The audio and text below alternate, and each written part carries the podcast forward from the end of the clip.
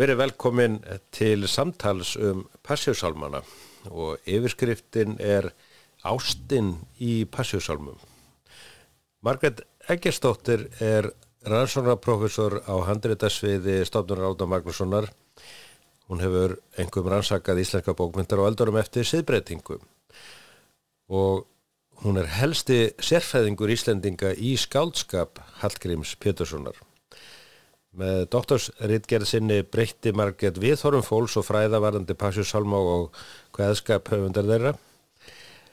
Doktorsritgerðin var gefin út undir heitinu Barokkmeistarin og í ritgerðinni syndi margir fram á tengst Hallgríms og annara íslenskra samtíma skálda hans við ströyma og stefnur í bókmyndum í norðurhluta Európu. Hallgrímur var sem sé vel heima í bókmyndum 17. aldarinnar. Hann orti í anda og í samræmi við og í samtali við það sem skaldin síslu elendis og Margret Egistóttir gal opnaði Passjúsálmana og við setjumst niður til þess að ræða hugmyndir Hallgríms og tólkun hans.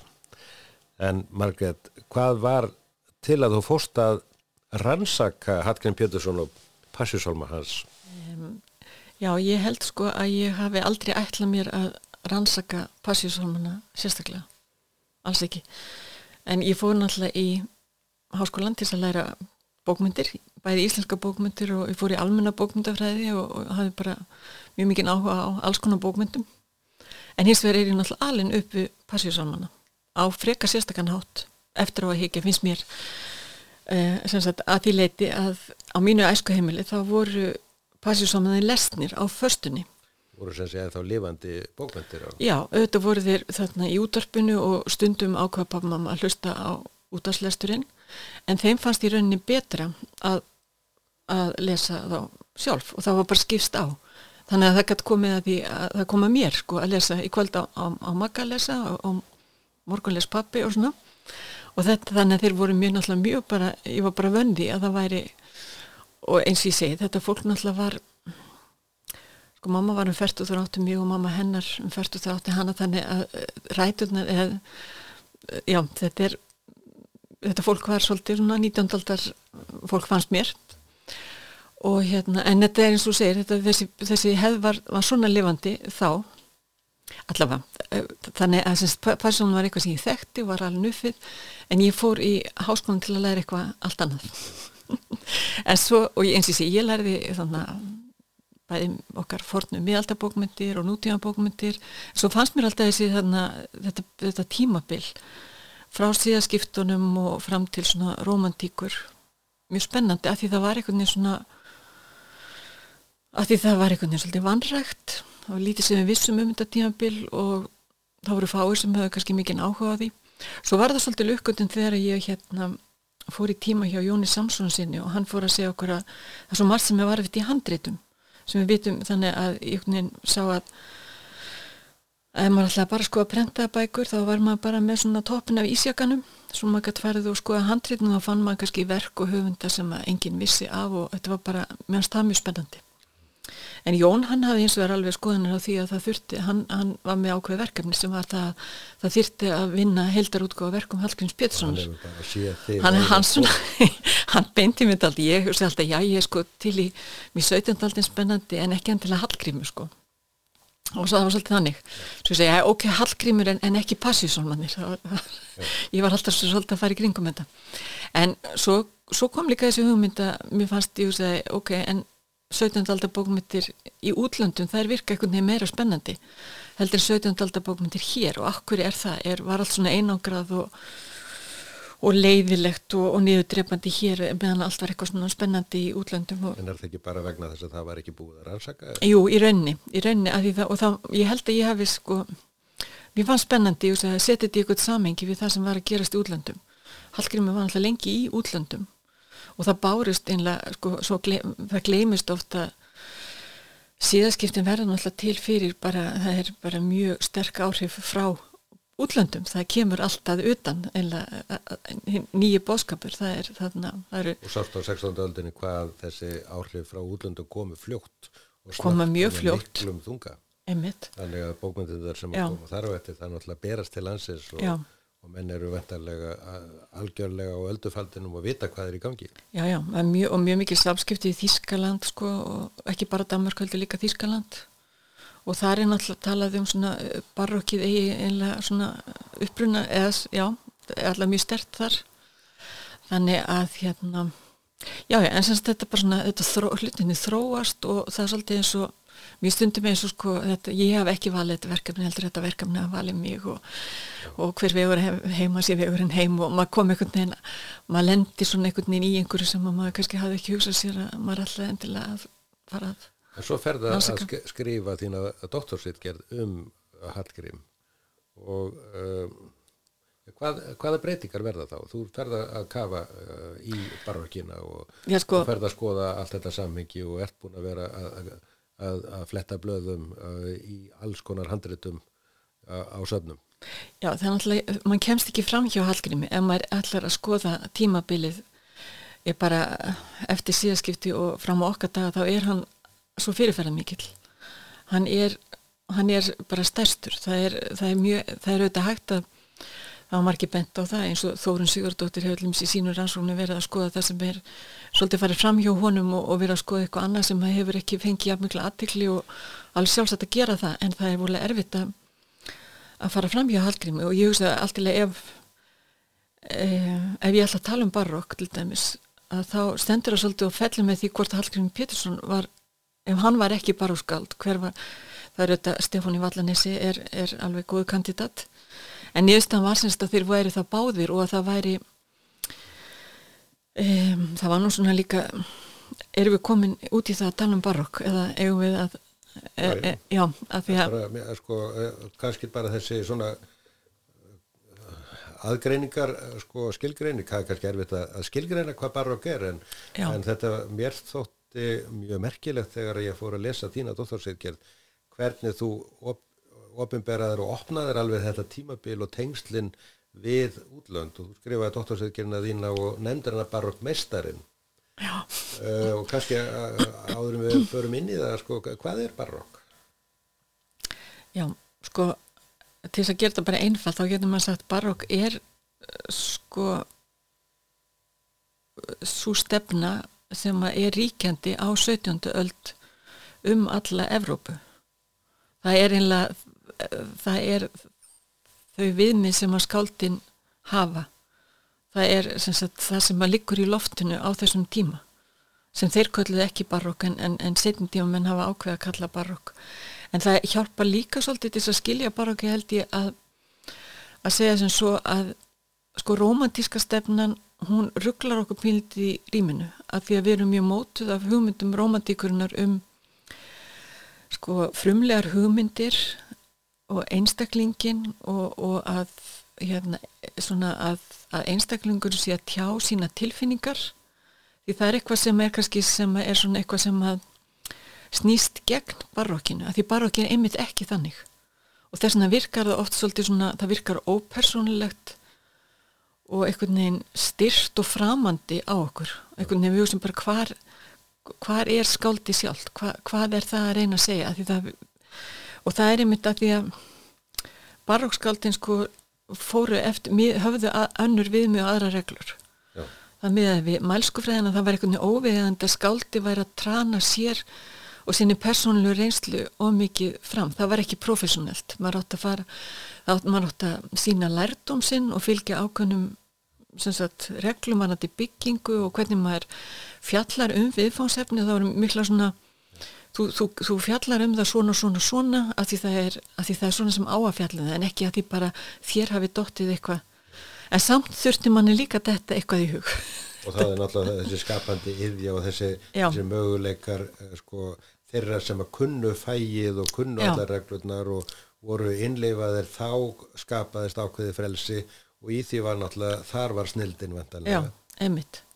Eins og má segja að Hallgrími ger í passisólmanum að hann notar margt af því sem hann kemur með í sinni útleggingu. Það er algjörlega þekkt að það er að finna það í einhvern leiðbynningum um hvernig maður á að yrkja passisólma.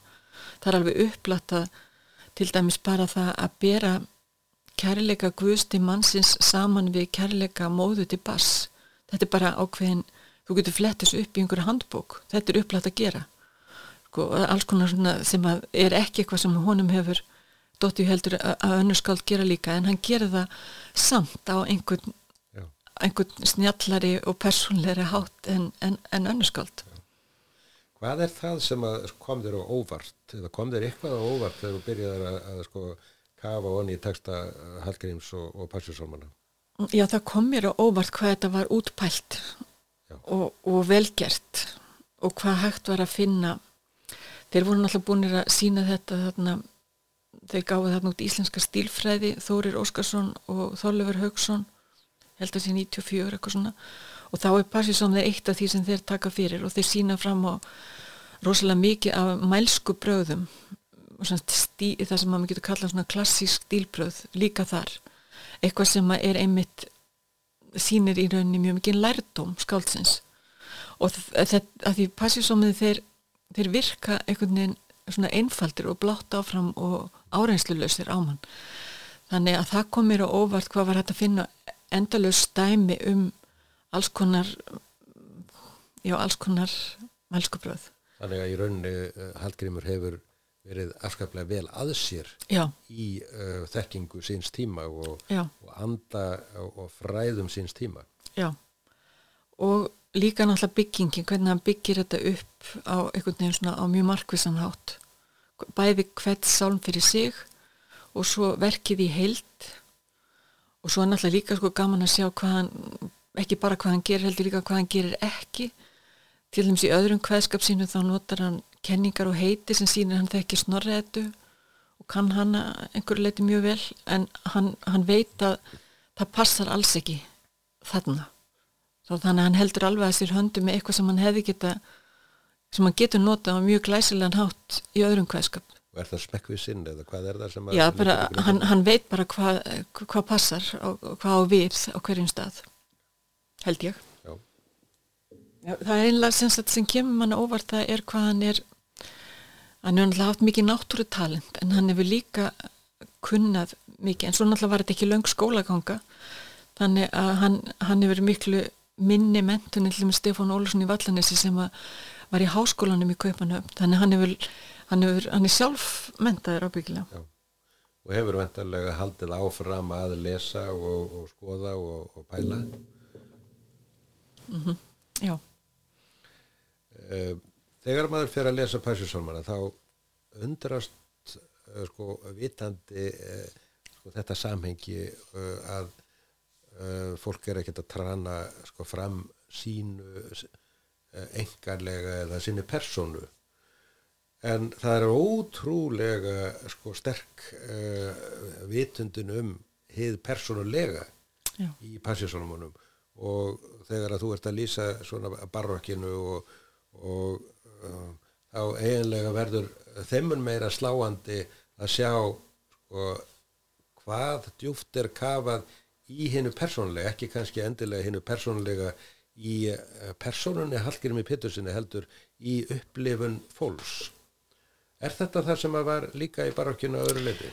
Sko í rauninni, ég, þegar þú segir þetta, þetta mér í hug þarna passíusalmar eftir tvö dönsk barokkskáld, Elias Nár og Thomas Kingo sem að beita alls konar bröðum, klassískun stílbröðum og byggingu eins og Hallgrímur og hafa greinilega þekki alveg sumu sko, hvað liggur að baki og hvað á að gera. Og það er stundum mjög svona sko það er, það er mikið svona flugelda síning í, í þeim sálmum líka en kannski ekki þessi innileiki.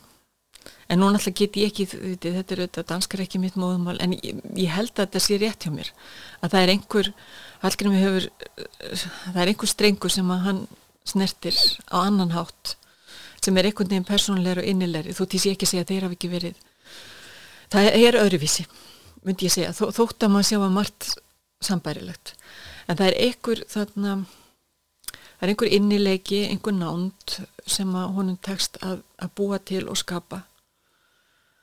Og hérna já sem að er e, að mörguleiti svolítið erfitt að lýsa en samt það sem gerir það verkum að þessi teksti lifir svona góðu lífi og heldur áfram að því það er bara svo ábyrgandi að fólk sem að, til dæmis fær það verkefni bara núna lesa eitt passíusalm það, það, það segir þessi, þessi, þessi texti hann, hann talar til manns og hann snertir við manni og, og það er að því að hann tekur einhverja mjög persónlega afstöð til viðfangsefnisins Þegar að, þegar að fólk fer að lesa passíusalmuna þá gerir það sig grein fyrir því að þetta er ekki bara stílæfingar eða eða, eða ja, flugöldarsýningar sko, sem að sína það að viðkomandi bara kann verki, þetta er ekki þetta er ekki eins og uh, bara uh, eitthvað handverk. Nei, emitt og það er náttúrulega eins og þú hefur bent á það er þarna þessi þetta kærleiksríka innilega samband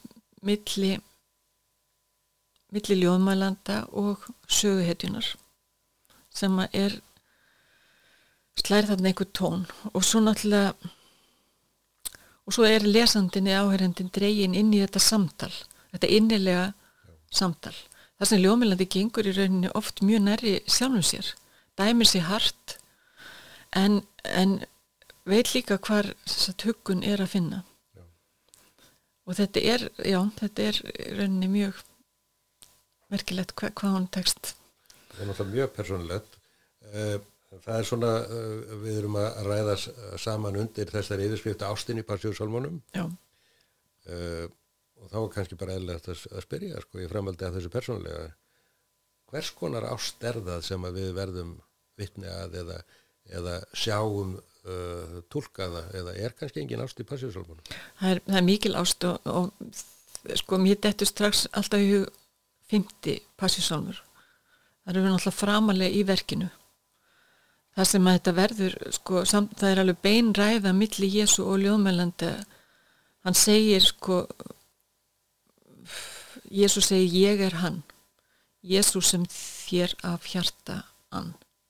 Er ekki svo les, við minnum það það er, semst, það er þannig að Jésús segi ég, ég elska þig og seg þú aftur semst, þetta verður samtal.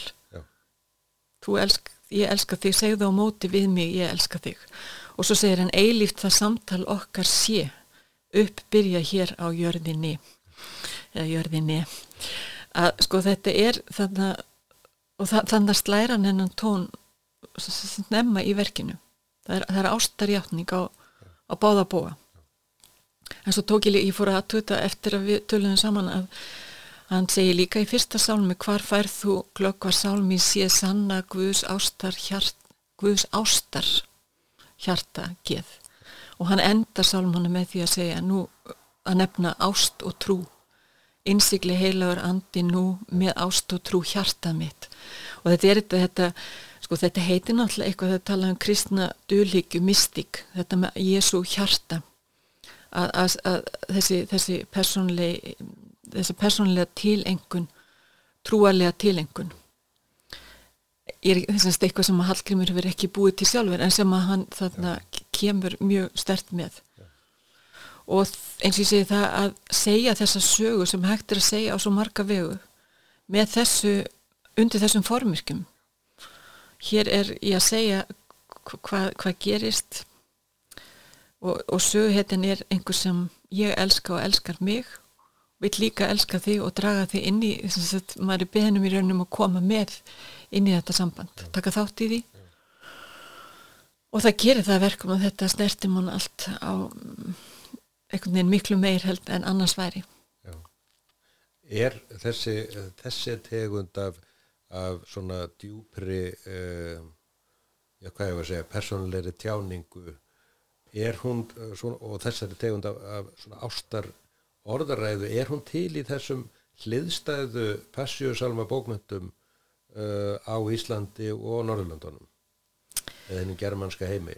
Uh, sko ég ásáldi, ég, ég veit ekki hvort ég þóri, hvort ég get svarað þess, ég get að minnstastu svaraði að þetta er ekki í þessum passíusálmum sem að uh, skáldbræður Hallgrim Stefóni Vallanessi og Guðmundur Ellensson í fell, þetta er ekki, við finnum þetta ekki á sama hátt þar, en auðvitað er svona innileiki um, og ég náttúrulega hef svolítið verið að skoða sálma eftir konur frá þessum tímanfili, frá 17. átjöndvöld og þar sjáum við þennan innileika og það er gætna að tala um Krist sem brúðguma og konur tjá svona ástar tilfinningu til hans sem að hefði ábyggilega verið útiloka fyrir þær að tjá sagt, til e, einhvers kallmanns sko. En, en þegar þú segir hvernig ást sko, það er volið erfitt, það er erfitt sundum að flokka ást. Þetta er auðvitað ekki hérna, ástmiðli kalls og konu en auðvitað ég menna ást er bara ást. Þá má líka segja að ást, ást er alltaf ást sama í milli tveggja aðla hvernig sem það er. Já. en mér, mér fannst áhugavert í þessum sálmöttu konur hvernig það er tjáð tilfinningar sem það getur ábyggilega ekki tjáð annar staðar En þannig er náttúrulega alveg greinilega sko þessi þessi djúpa svona trúar þessi djúpu trúartengsl Já. og þau ná til uh, alls þess sem er innst í manneskunni og uh, af því að, að Hallgrímur er náttúrulega búin að vinna með sko, djúb tengsl við, við uh, Guðriði Símonadóttur þá einhvern veginn svona sko, finnst manni að hann komi að þessu verki af miklum heilindum eins og hann hefur sjálfsvöldorðið að glíma við sko hefð dýfstægi sjálfum sér í samskiptun við, við Guðriði þannig að maður getur alveg ímyndað sér að, það sé fullveðja djúpþroskaður maður í samskiptum við konur sína sem að skilur orðið baráttuna sko, um, í, uh, á, sko, með rótækum hætti og getur yfirfært eða nýtt sér uh, uh, alla þá þætti til þess að lýsa því hvernig tengslinn eru við Guð. Það er náttúrulega alveg augljóslega ekki einn sexuell tengsl eða, eða neitt af þessu uh, svona yfirborslega eða efnislega. Þannig erum við að, að tala um, um djúpsamband manneskjunnar uh, við djúp uh, sko guðs. Og þetta er ekki sko þetta er, er, er, er ekkert svona svona eitthvað formi í þessu. Þetta er, þetta er kunnáttan við að tólka alveg augljóslega fyrir hendi en samt sem að það er með svona þessum djúp persónulega hætti Já Þetta er sko daldi áhugavert líka því að mystikinn og baróki gengur líka svolítið út á sko í líkamlega og snertingin er svolítið sko okkur, okkur blöskrastundum kannski já, já.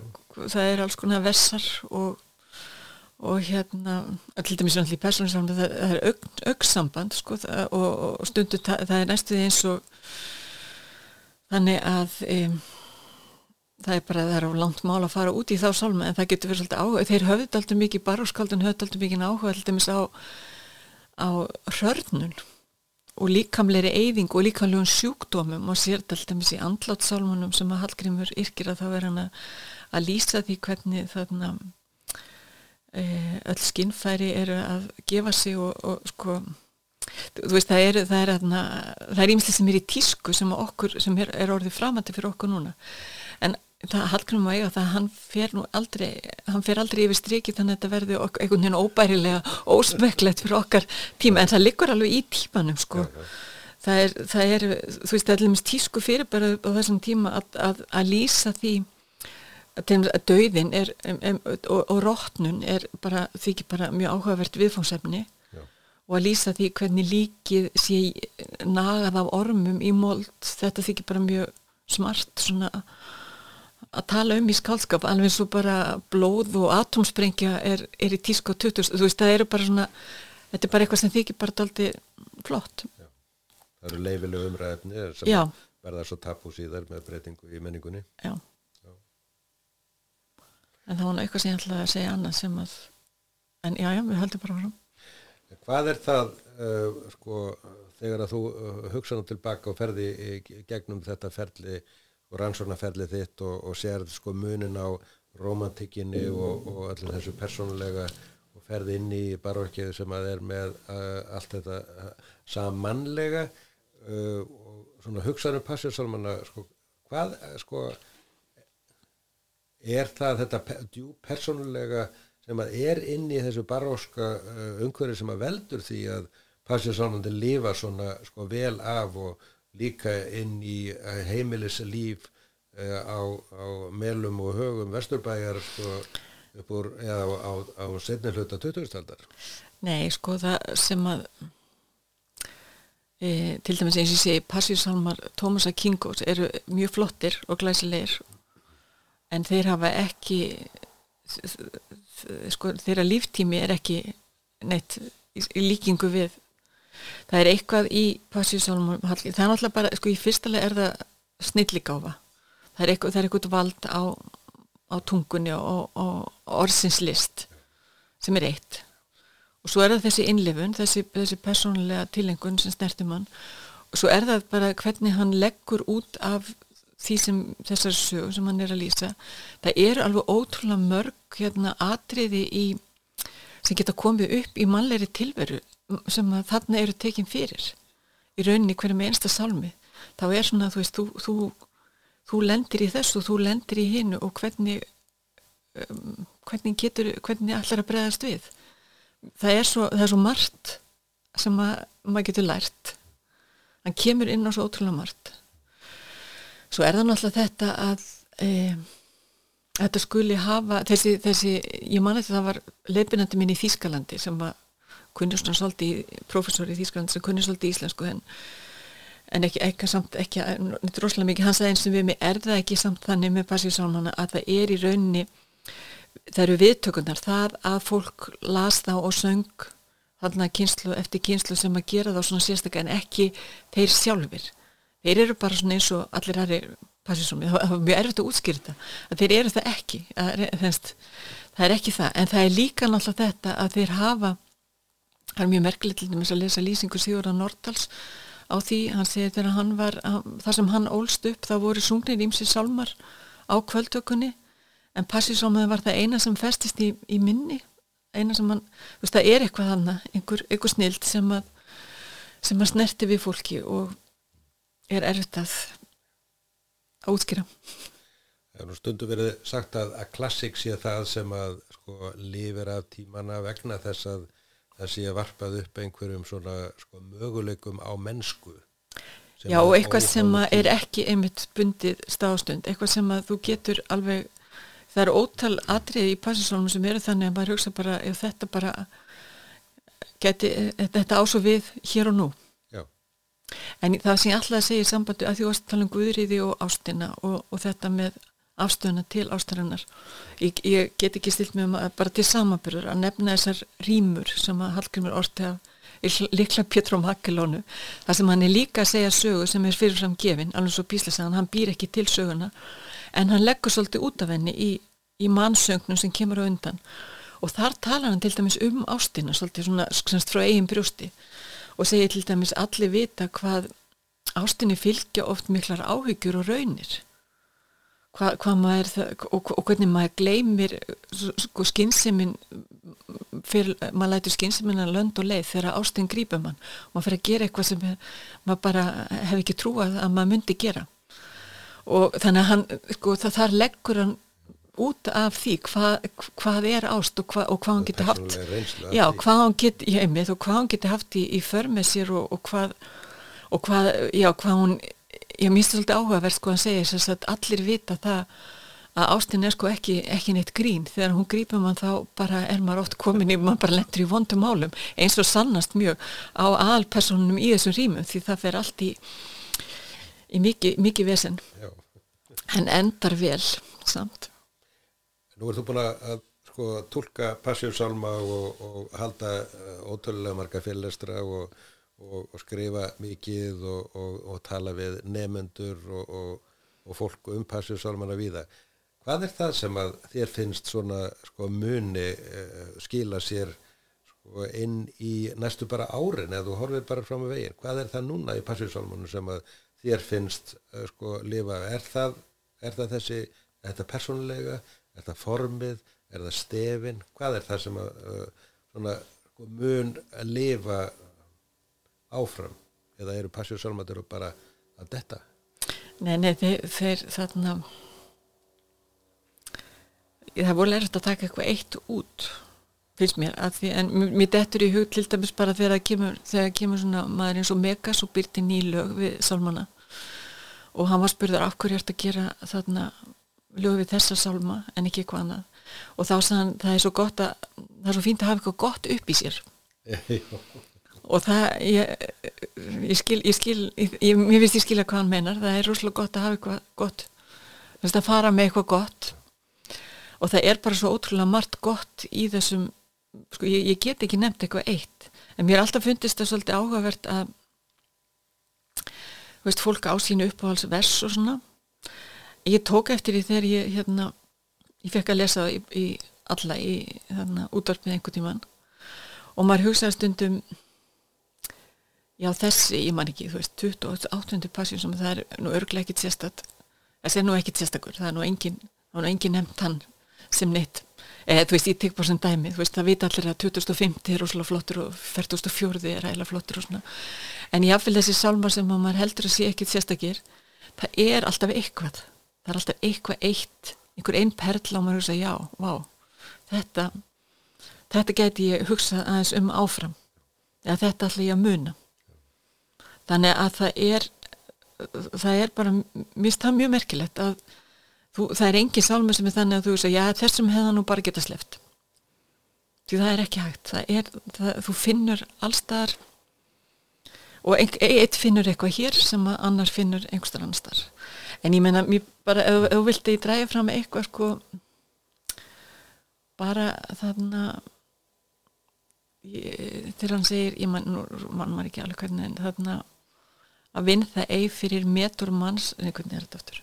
Að viki á götu sannleik að ekki láta ekki tala þig til að fara að láta ekki, láta ekki einhvern vinn eh, já vinn það ekki fyrir vinskap manns að viki á götu sannleikans. Þetta er bara svona gott einfalt dæmi, láttu ekki hérna afvega leiða þig að því að þú vilt gera einhverjum vinið þínum greiða. Þetta er bara þetta er mjög síkilt hver hefur ekki hver hefur ekki lendir inn í, í þeirri frestingu að sko já, já, eða, já, þetta er bara þetta er bara svona lítið dæmi um hérna eitthvað sem að þarna er bara gott að hafi, hafa bak veirar líkum við að segja. Það er mikið af siðferði siðfræði í, í Passjórsalmanum við viðbót við svo heilmikið af trúfræði og, og sko, almennu mannviti og visku Já. sem er borðið þar fram. Já og náttúrulega og náttúrulega líka þetta sko sko það er ekki bara heilræð, það er ekki bara einhvern einhver sem stendur þarna svona og með vísifingur og segja út að gera svona og gera hins einn heldur líka sko og hvað gerir þegar þú þegar að, þegar að þú gerir ekki það sem er rétt? Já. sem er náttúrulega mörg dæmi um og, og, og hann er líka hann er líka stattur, hann setur sér líka í þau spór þegar maður bregst algjörlega hva, hva, hvað, og þegar maður já þegar allt klikkar og maður er náttúrulega Jútas, Pétur þetta, þetta, þetta með að hérna já þetta með að þegar allt, allt hrinur hvernig, hvernig kemst maður hvað er þetta að finna huggun hvernig er þetta að finna leiðina aftur það er líka sko veist, að hann er það er líka, hann er líka niðri hjá þeim sem er fallin. Hann er ekki, skilur, skilur hvað ég menna hann Já, er ekki bara þarna uppi að, benda þér að horfa niður á þann sem er fallin heldur, hann er þar eða þegar hann setur sér spór barrapassar. Hann segir þú veist ég er hérna ég hef, átt, ég hef líka það mætti líka kalla mig morðingi það hefði alveg smátt setja mig í fangils eins og, og barrapass. Þannig hann, er, hann fer alla leið niður með eh, já með þeim sem að þarna... það er þessi bara uh, almennska sem að er í öllum þessum solmum hann, hann setur sig ekki á uh, hann setur sig aldrei á heldur, nei, hann, hann fer allaveg niður með sindaranum alveg niður í, í botn. Og opnar svo heiminin uh, sko, fyrir þá sem að eru á botninum líka.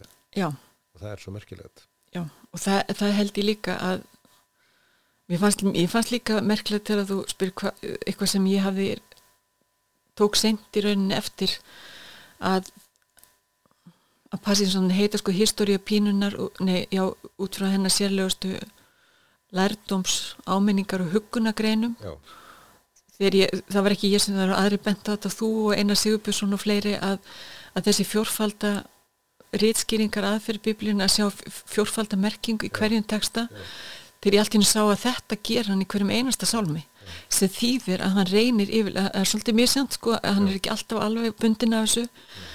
En ég held að hann reyni yfirlt alltaf í hverjum einasta sálmi að enda með einhverju sem getur orðið manni til hugunar Já. að finna einhvern ljós, eitthvað sem að hann er búin að að fara á áminna og stundum mjög harkarlega og gangar nærri sér og lesandanum.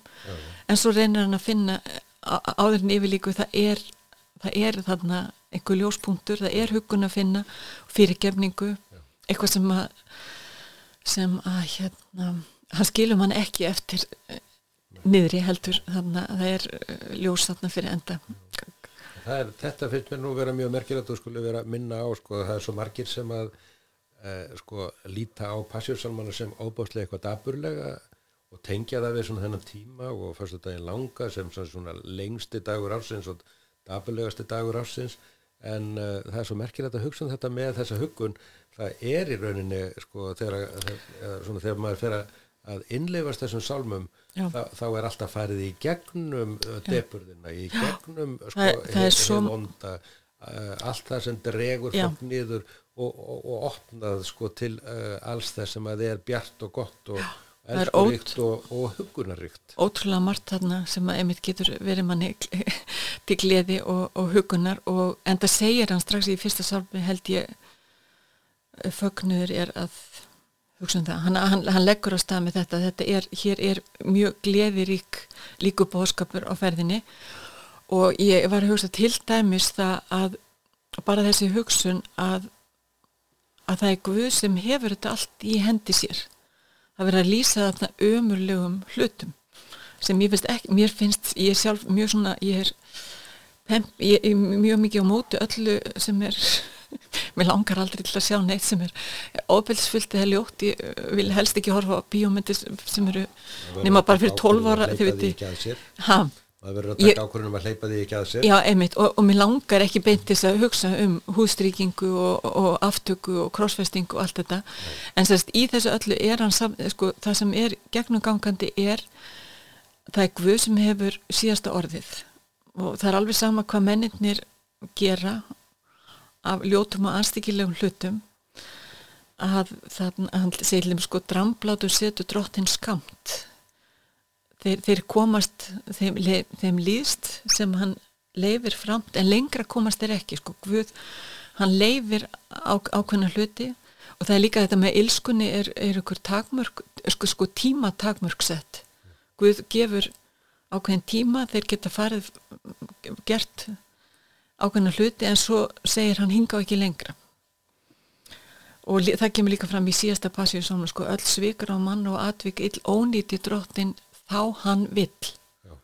það kemur að því að Guð segir Hingað ekki. hinga ekki lengra og það er ykkur, ykkur mikil huggun það er auðvitað ekki allir sem að trúa þessu. En, en það er þetta er eitt af því sem er svo mikið gleði efni í passísálmanum hér sjáum við hvernig einhvern veginn ílskan hefur tekið völdin en það er samt ekki ílskan sem hefur síðasta orðið heldur Guð sem kemur og segir stopp